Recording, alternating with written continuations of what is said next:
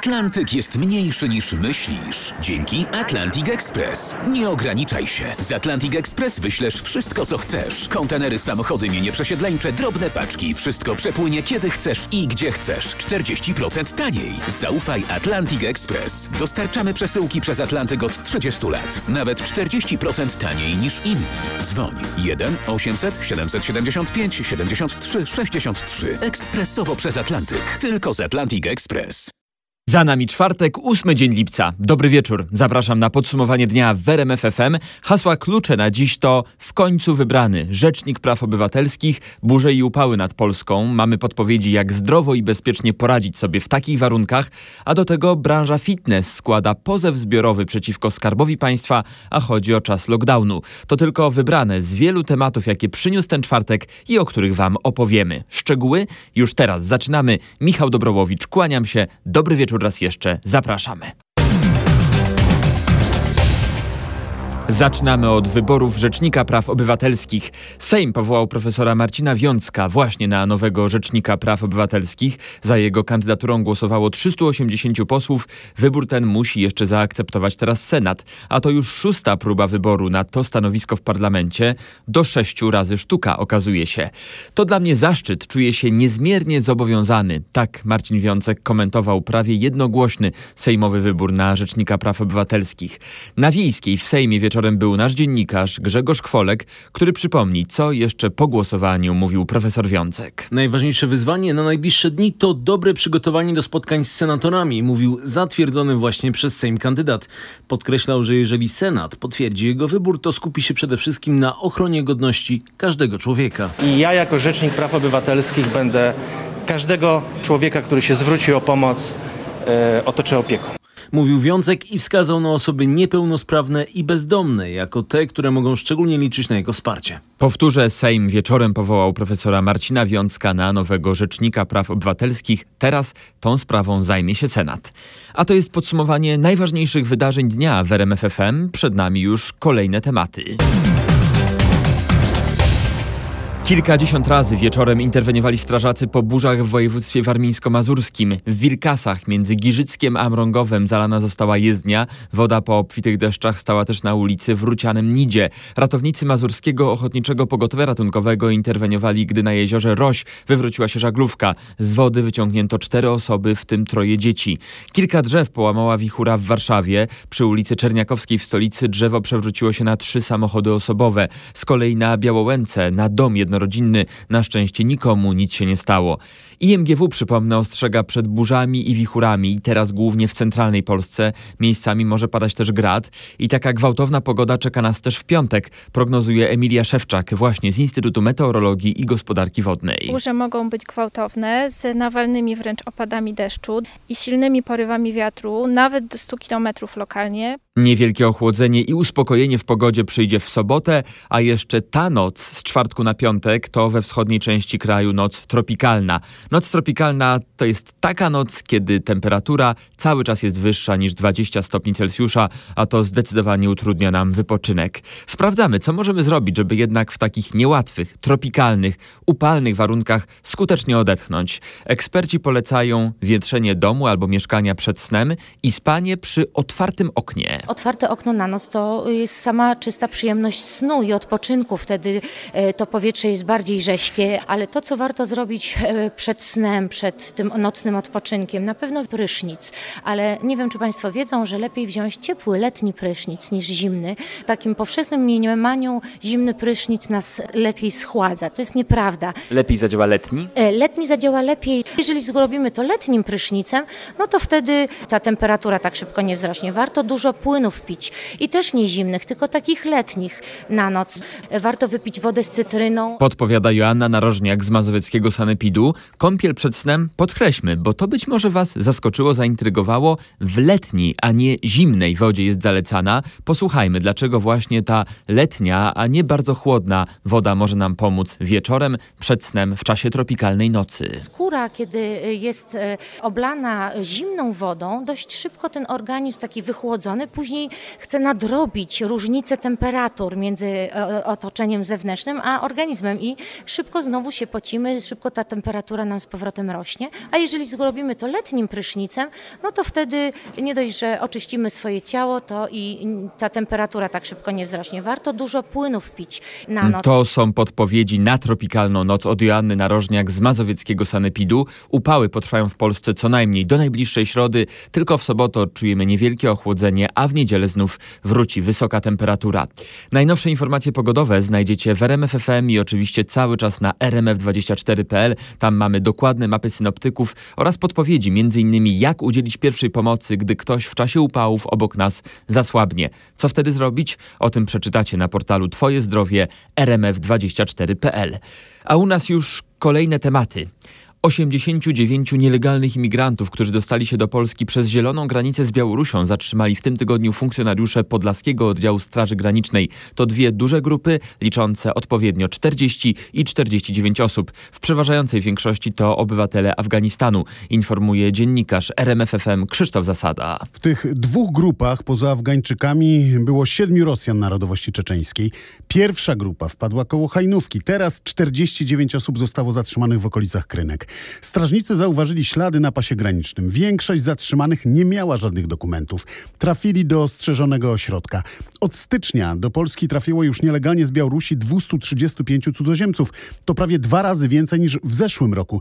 Podobny problem, ale w większej skali ma Litwa. Tam nielegalnych imigrantów przedostało się już ponad 1500, prawie 20 razy więcej niż przed rokiem. Litewski rząd twierdzi, że to akcja koordynowana przez Mińsk i oskarża Białoruś o hybrydową agresję. A wysłuchacie podsumowania dnia w RMF FM. Tutaj przed nami ważne informacje, innymi z perspektywy naszych portfeli. Nieco ponad połowa Polaków ocenia, że pandemia nie miała wpływu na zawartość ich portfeli. Raport agencji badawczej Opinia24 dla RMFFM e, przeanalizował bardzo dokładnie Michał Zieliński z redakcji ekonomicznej, co z tą drugą połową. Nieco więcej z tych, którzy dostrzegli jednak zmianę, dokładnie 25%, deklaruje, że w ciągu ostatniego roku ich portfele nieco schudły. Jednak 22% zaobserwowało, że ich sytuacja materialna się poprawiła. Niemal połowa z nas czuje się zaniepokojona przebiegiem pandemii, ale też ponad 60% jest dobrej myśli spodziewa się uspokojenia sytuacji. Być może dlatego w przyszłość spoglądamy raczej z optymizmem. 27% badanych liczy, że w ciągu nadchodzących 12 miesięcy odczują poprawę swojej sytuacji materialnej. 23% spodziewa się raczej jej pogorszenia. Patrzymy w przyszłość. Na szczęście ta aktualna sytuacja epidemiczna jest dobra, bardzo dobra. Dziś niespełna 100 kolejnych zakażeń koronawirusem w Polsce. Do szczegółów raportu Ministerstwa Zdrowia wrócimy za chwilę, ale patrzymy też w przeszłość. Jeśli chodzi o efekty lockdownu, to wciąż słychać echa tego, co działo się zimą i wiosną. 150 przedsiębiorców reprezentujących ponad pół tysiąca klubów z branży fitness złożyło w Sądzie Okręgowym w Warszawie pozew zbiorowy przeciwko Skarbowi Państwa. Chcą ustalenia odpowiedzialności za szkody, jakie ponieśli właśnie przez wprowadzenie przez rząd lockdownu. Ich zdaniem stało się to niezgodnie z prawem. Ustawa zasadnicza mówi jasno, że jeśli nie ma ustawy dotyczącej zamknięcia jakiejkolwiek części gospodarki, a były to rozporządzenia, no to już mamy też orzecznictwo sądu zresztą, że było to nielegalne. Faktycznie z punktu widzenia prawa żaden z nas nie musiał się zamykać, wręcz nie było do tego stosownego narzędzia prawnego, żeby to wyegzekwować. Natomiast było zastraszanie, było wywieranie presji, straszenie karami, które jak wiemy są masowo umarzane. Mówi w rozmowie z RMFFM Tomasz Napiórkowski z Polskiej Federacji Fitness. Nie tylko branża fitness teraz reaguje, branża turystyczna obawia się kolejnego znacznego spadku dochodów jesienią i liczy na to, że to ostatni, tak okrojony sezon urlopowy. Gdyby doszło do kolejnego lockdownu i zamknięcia hoteli, to mogłoby się okazać dla wielu biznesów tragiczne. Wszyscy liczymy po cichu, że jeżeli przyjdzie kolejna fala, o której tak dużo się mówi, że uda nam się mimo wszystko we wrześniu i w październiku normalnie pracować. Przypomnę, takie kurorty jak Świnoujście do niedawna, do 2019 roku, były już kurortami całorocznymi. Te duże, wielopowierzchniowe obiekty hotelowe, one nie mogą funkcjonować przez 2-3 miesiące. One nie mają szans na to, aby się zbilansować i funkcjonować, jeżeli nie zapewni im się dopływu turystów przez cały rok. Stąd w Świnoujściu do niedawna trzy sezony. Jeden to zdecydowanie za mało, aby taki hotel utrzymać. Mówił szef Świnoujskiej Organizacji Turystycznej Piotr Piwowarski. Całoroczne kurorty, do których należy także Świnoujście, jesienią i zimą żyły głównie z turystów zagranicznych. W tym roku gości z Niemiec jest znacznie mniej, a turystów ze Skandynawii nie ma prawie wcale. Ostatniej doby w Polsce potwierdzono 93 nowe przypadki zakażenia COVID-19. Zmarło 19 osób. Taki raport przekazało kilka godzin temu Ministerstwo Zdrowia. Na kwarantannie przebywa w tej chwili 95,5 tysiąca osób. Z kolei 119 przypadków zakażeń wariantem Delta koronawirusa wykryto dotąd w Polsce. Te dane podał dziś Główny Inspektorat Sanitarny. Kilka godzin temu odwiedziłem laboratorium Warszawskiej Stacji Sanitarnej. To jest miejsce, gdzie sprawdza się próbki koronawirusa także pod kątem nowych mutacji i także tych rozprzestrzeniających się na świecie wariantów, takich jak właśnie Delta czy Lambda. Ta próbka, która tu przyjeżdża, to jest w praktyce wymaz z naszego nosa albo gardła. Tak, dokładnie tak. I co się potem dzieje tutaj z tą próbką? Potem pracownicy laboratorium zanoszą do tego naszego sekwenatora, który tak naprawdę składa się z jednej głównej jednostki i dwóch takich robotów pomocniczych, które wykorzystywane są do przygotowywania bibliotek DNA i nanoszenia tych bibliotek DNA na chipa, którego potem wkładamy właśnie do sekwenatora. Kiedy jest ten moment, kiedy decyduje się, czy ta próbka oznacza wariant delta, czy może inną mutację? To jest ostatni moment y, po analizie trwającej kilkadziesiąt godzin, to już y, automatycznie uzyskane dane y, porównują z bazami danych po tym porównaniu identyfikują wariant. Okazuje się, że co najmniej 30 godzin musi minąć od momentu przyjęcia próbki koronawirusa w laboratorium, aby uzyskać informację po sekwencjonowaniu, z którą mutacją możemy mieć do czynienia. Co najmniej, powtórzę, 30 godzin. Te sekwencje, które otrzymujemy i następuje porównywanie i sprawdzanie w bazie danych z którą jest połączony nasz sekwenator. Czy to jest ten wariant wirusa, czy też inny, znany czy nieznany. Co wskazuje, że ta próbka to jest na przykład wariant delta? Który element o tym świadczy? To jest najczęściej podstawienie, czyli zmiana jednej zasady w sekwencji kwasu nukleinowego na inną. Ta baza danych to jest międzynarodowa baza danych, która jest na bieżąco aktualizowana z laboratoriów z całego świata, więc jeżeli pojawi się nowy wariant u nas, zostanie to zgłoszone i zauważone. Przyznawali, opowiadając o swojej pracy, szefowa laboratorium Anna Krawczuk i jeden z diagnostów laboratoryjnych Jarosław Paciorek. Powtórzę, 119 przypadków zakażeń wariantem Delta COVID-19 do tej pory wykryto w Polsce. To jest ta nowa mutacja, która jest brana pod lupę na całym świecie i wywołuje bardzo konkretne decyzje, między innymi na Słowacji, a także w Tokio, gdzie, jak się okazuje, tegoroczne Igrzyska Olimpijskie odbędą się bez udziału publiczności. O szczegółach na pewno powiemy jeszcze w tym wydaniu podsumowania dnia w RMFFM, a teraz kolejne tematy. Policja wyjaśnia okoliczności wypadku, do którego doszło w środę w Radlinie na Śląsku. Poważnie ranna została tam młoda kobieta, na którą przewrócił się słup telekomunikacyjny. Informacje w tej sprawie zebrała Anna Kropaczek, nasza reporterka właśnie na Śląsku. Z ustaleń policji wynika, że samochód ciężarowy zahaczył o przewody i słup przewrócił się na przechodzącą młodą kobietę. Z poważnymi obrażeniami trafiła ona do szpitala. Kierowca ciężarówki odjechał, ale policjanci do niego dotarli. Był trzeźwy. Na razie postępowanie prowadzi policja, która ustala, czy mężczyzna zawinił, czy kable wisiały zbyt nisko i mógł ich nie zauważyć. Jak powiedział mi prokurator rejonowy w Wodzisławiu, prokuratura zasugerowała policji przeprowadzenie eksperymentu procesowego w miejscu wypadku. Najważniejsze informacje czwartku mamy dla Was w podsumowaniu dnia w RMF FM. I jak zwykle przypominamy także fragmenty rozmowy w samo południe. Tomasz Skory w czwartek, 8 dnia lipca zaprosił Bogdana Klicha, szefa Senackiej Komisji Spraw Zagranicznych, a jednocześnie szefa Senackiego Klubu Platformy Obywatelskiej. Zapraszam do wysłuchania najciekawszych fragmentów tej rozmowy, choć cała jest bardzo interesująca i gorąco ją polecam. Tomasz Skory i Bogdan Klich. Dzień dobry panie senatorze. Kiedy pan y, dowiaduje się o tym projekcie ustawy, którą wnieśli do Sejmu wczoraj głębszym y, popołudniem posłowie PiSu, to kup kupuje pan wyjaśnienie, że mm, to dobrze, że taka ustawa, ten Lex TVN, jak jest nazywana, e, się pojawia, bo chroni nas przed wpływami Putina i ISIS. Czy myśli pan sobie, oj, chyba to nie jest dobry krok?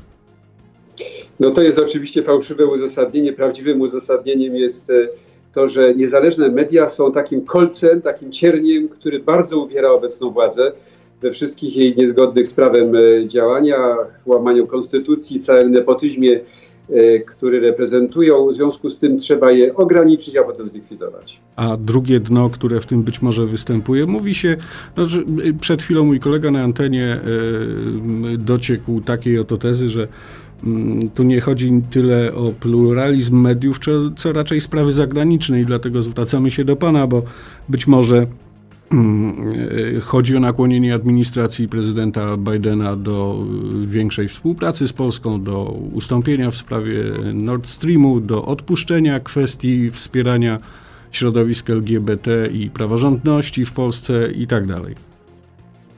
No ale e, PiS w międzyczasie doprowadził do wielkiego kryzysu w stosunkach polsko-amerykańskich, takiego jakiego nie, nie było do tej pory od 31 lat. Amerykanie byli głównym partnerem strategicznym Polski i to od Amerykanów w dużym stopniu zależy nasze bezpieczeństwo narodowe.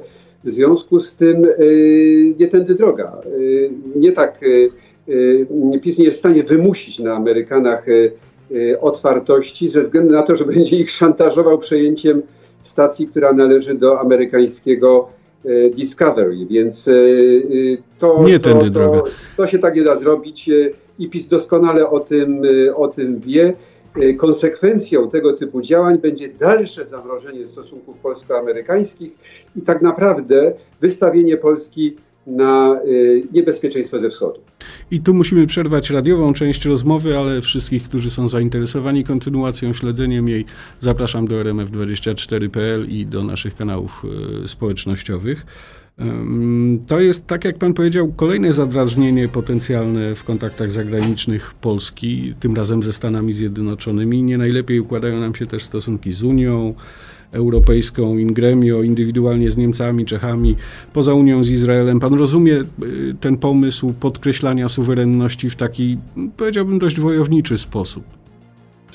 To, to jest taka sama metoda, jaką stosuje Władimir Putin, realizując koncepcję Aleksandra Dugina i to realizując ją od wielu lat, tak zwanej suwerennej demokracji.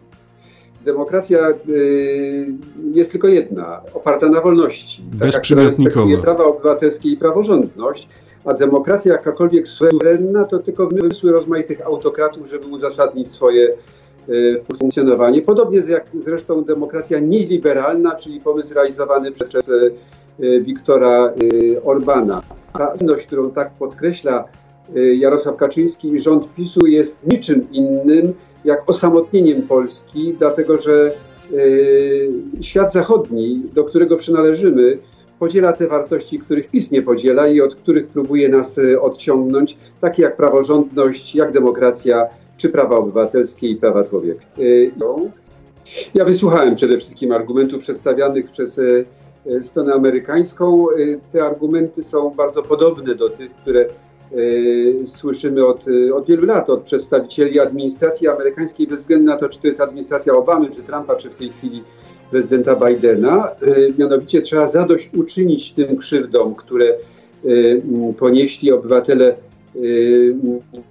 Polski, przede wszystkim żydowskiego pochodzenia, ale też obywatele Polski, polskiego pochodzenia w wyniku Y, wywłaszczenia, które zostało dokonane po 1945 roku. Z tym Amerykanie w pełni się y, zgadzają, y, tylko że mówią o tym, że powinno to się odbyć w sposób przewidywalny. Ze swojej strony mówiłem o tym, że wykonujemy wyrok Trybunału Konstytucyjnego i to tego Trybunału, który był faktycznym Trybunałem Konstytucyjnym, a nie tylko marionetką w rękach rządzących, tak jak Trybunał Pani Przyłębskiej. I że tamten Trybunał w 2015 roku orzekł, że rzeczywiście powinny być już zakończone wszystkie sprawy związane z restytucją własności i trzeba chronić tych, którzy mają tytuł własności do swoich, do nieruchomości. Panie senatorze, ale.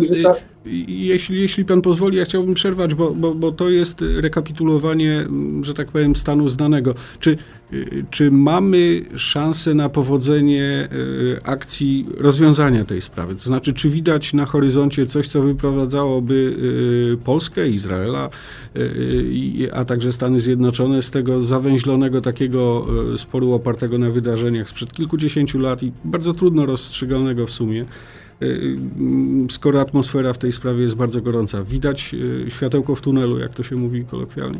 Tak, ja widzę taką y, możliwość y, i tę możliwość też y, omawialiśmy zarówno z kolegami senatorami, y, jak i y, z przedstawicielami rozmaitych środowisk, nie wiem, środowiska ziemiańskiego z jednej strony, z drugiej strony przedstawicielami y, y, y, adwokatury polskiej, mianowicie y, to jest sprawa, to jest możliwość y, wprowadzenia poprawek do tej ustawy, którą dostaliśmy z Sejmu i te poprawki powinny tę ustawę cywilizować. Y, Mam na myśli To znaczy tutaj... przedłużać okres jej wejścia w życie, na przykład do zamknięcia y, spraw własnościowych, tak? Dokładnie, dokładnie dwie rzeczy, to znaczy po pierwsze e, wydłużenie tak zwanego wak- vacatio legis e, mm, do roku, e, tak aby wszyscy ci, którzy nie zaczęli jeszcze e, swoich postępowań, a chcieliby takie postępowania e, rozpocząć, mieli taką szansę. Trzeba dać im, dać im szansę.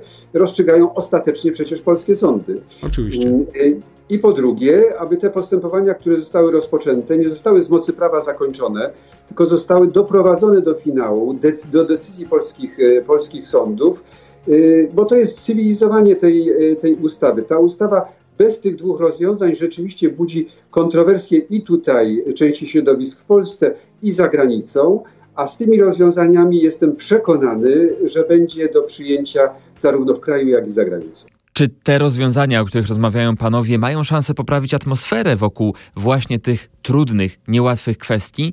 Odpowiedź w dalszej części rozmowy w samo południe. Polecam już teraz do zobaczenia i do usłyszenia na rmf24.pl, a o 12 w samo południe kolejna rozmowa w samo południe w faktach RMFFM i początek, a potem całość w naszym nowym internetowym muzyczno-informacyjnym radiu rmf24.pl. W piątek zapraszam znów w imieniu Tomasza Skorego.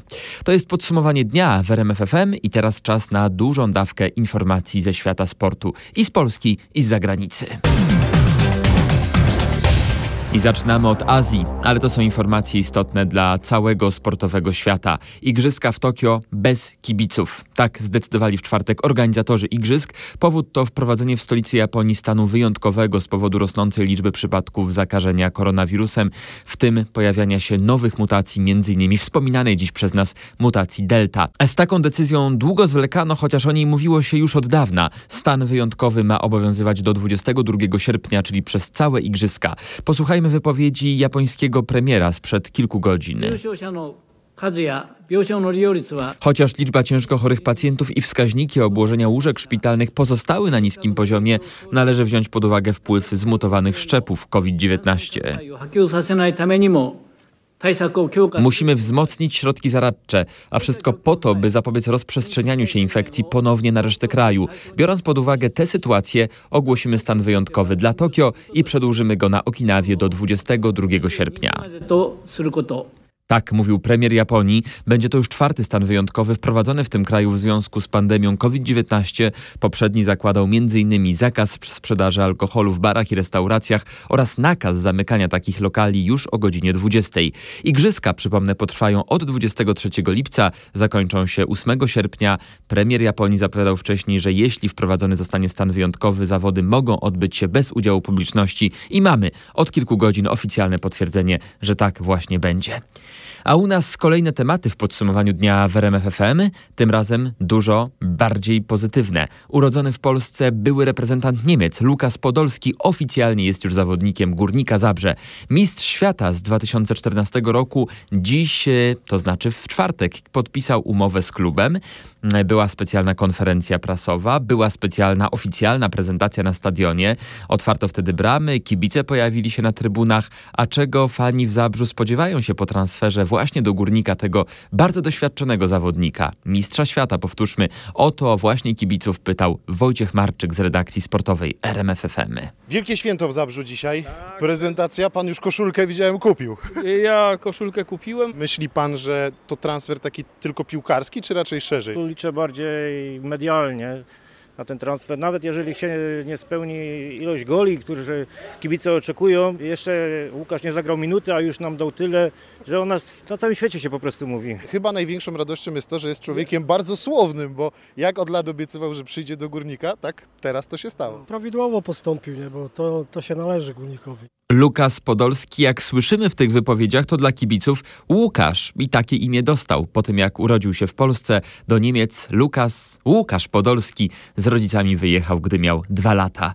My z Zabrza przynosimy się do Krakowa i w podsumowaniu dnia RMFFM ponownie usłyszymy Wojciecha Marczyka, bo w czasie najbliższego weekendu w stolicy Małopolski będzie rządzić siatkówka i to w reprezentacyjnym wydaniu. W piątek w Tauron Arenie w Krakowie rozpocznie się 18. edycja memoriału Huberta Jerzego Wagnera. Przez trzy dni na parkiecie będą rywalizować cztery reprezentacje, w tym nasi siatkarze, dla których będzie to ostatni sprawdzian przed wyjazdem na Igrzyska. Wojciech Marczyk z redakcji sportowej RMFFM zapowiadany ponownie z nami, który opowie o tym, z kim zagrają Polacy. Pierwszym rywalem już jutro będzie reprezentacja Norwegii. W kolejnych dniach podopieczni Vitala Heinena zagrają z Azerbejdżanem, a na zakończenie turnieju w niedzielę z Egiptem. Wszystkie reprezentacje są niżej notowane od naszej, ale Sebastian Świderski, były reprezentant Polski, uważa, że memoriał i tak będzie wartościowym sprawdzianem, który może pomóc w zgraniu przed igrzyskami. Pamiętajmy, że w Rimini trener Heine praktycznie do samego końca, do półfinałów i finałów rotował składem. Oni nie mieli czasu pograć przeciwko komuś w takim optymalnym, e, ostatecznym ustawieniu. Trybuny Tauron Areny z powodu obostrzeń covidowych będą mogły być wypełnione w połowie. A więcej o memoriale Wagnera i szczegółowych planach, jeśli chodzi właśnie e, o 18. edycję tego memoriału, możecie przeczytać na rmf24.pl. Sport w praktyce także u nas w podsumowaniu dnia w RMF FM. Weekend coraz bliżej. Sobota, jak słyszeliśmy, ma być odrobinę chłodniejsza od pozostałych dni w tym tygodniu, a my dzisiaj w faktach RMF FM w czwartek polecaliśmy wam rower i rowerowe przejażdżki. Ja przyznaję, że dużo jeździłem w czasie pandemii i najgłębszego lockdownu rowerem, gdy siłownie były zamknięte. Ostatnio o rowerze trochę zapomniałem. Wróciłem na basen, wróciłem do klubu fitness, ale gdy słuchałem faktów RMF FM w czwartek, nabrałem ochoty, żeby wrócić na rower, bo przez całe wakacje polecamy Wam w naszym wakacyjnym czwartkowym cyklu rowerem przez Polskę właśnie przygody rowerowe na dwóch kółkach. Sprawdzamy m.in. co zabrać ze sobą na dłuższą wyprawę, by nie zgubić trasy. Fachowcy podpowiadają, wsiadamy na rower i powinniśmy mieć zarówno tradycyjną mapę, jak i elektroniczną nawigację, na przykład w aplikacji, w telefonie. Minusem tego jest to, że jakby mamy zajęty telefon. Ta bateria ma też swoje ograniczenie i w tym momencie no, ta podróż staje się troszeczkę ograniczona. Natomiast bardzo dobrym rozwiązaniem są wszelakiego typu nawigacje rowerowe. Są to tak rozbudowane już urządzenia, które mają w sobie możliwość pomiaru zarówno tętna, kadencji, wszystkich funkcji licznika rowerowego, czyli prędkość, kilometry, czas i tak dalej, wysokość, temperatura. Oprócz tego mają w sobie nawigację, taką samą nawigację, jak często używamy w samochodach. Na początek takie coś się rzeczywiście przydaje, czy to raczej gadżet? Na początku może być to gadżet i z wielu funkcji nie korzystamy. Potem w trakcie eksploatacji tego urządzenia okazuje się, że jednak jest to bardzo fajna rzecz, bo oprócz tego, że pomaga nam w nawigacji, dodatkowo te urządzenia pomagają nam zaplanować sobie trasę, wybrać te drogi, którymi mo możemy jechać. Tak radził w rozmowie z naszym reporterem Mateuszem Chłystunem Mateusz Mróz, który prowadzi sklep i serwis rowerowy na poznańskim Starym Mieście. Przydatne porady dla wszystkich, którzy mają ochotę na wycieczkę rowerową, na pewno wrócą w naszym wakacyjnym cyklu rowerem przez Polskę w letnie czwartki. Gorąco polecam. A przed nami piątek, może właśnie na rowerze. Uważajcie, bo to może być dzień z największymi w tym tygodniu burzami. Fala burz przechodzi od północnej po południową Polskę. Mm, na pewno będzie wciąż wysoka temperatura, najwyższe wartości na termometrach, powyżej 30 stopni, znów w południowo-wschodniej Polsce, zwłaszcza na Podkarpaciu i w Małopolsce. Najnowsze raporty pogodowe u nas, a w piątek wśród tematów, którym na pewno poświęcimy wiele miejsca, będą też ostrzejsze wymagania antykowidowe dla turystów, jakie wprowadzają Czechy i Słowacja. Przypomnę, od piątku swobodny wjazd do obu krajów będą miały tylko osoby w pełni zaszczepione przeciw COVID-19 i te, które już przeszły zakażenia koronawirusem. Jak wygląda sytuacja na przejściach granicznych? Co na to Słowacy? Co na to Czesi? Będziemy te tematy śledzić od rana, na pewno na naszej antenie. Już teraz życzę udanego piątku, bez względu na to, czy spędzacie go w pracy, czy na urlopie. I już teraz życzę dobrej nocy. Oby dała choć trochę wytchnienia, mimo wysokiej temperatury w wielu regionach. Jest z wami RMFFM i adres fakty małpa RMFFM do waszej dyspozycji. Michał Dobrołowicz, bardzo dziękuję za nasze spotkanie w podsumowaniu dnia. Kłaniam się, do usłyszenia.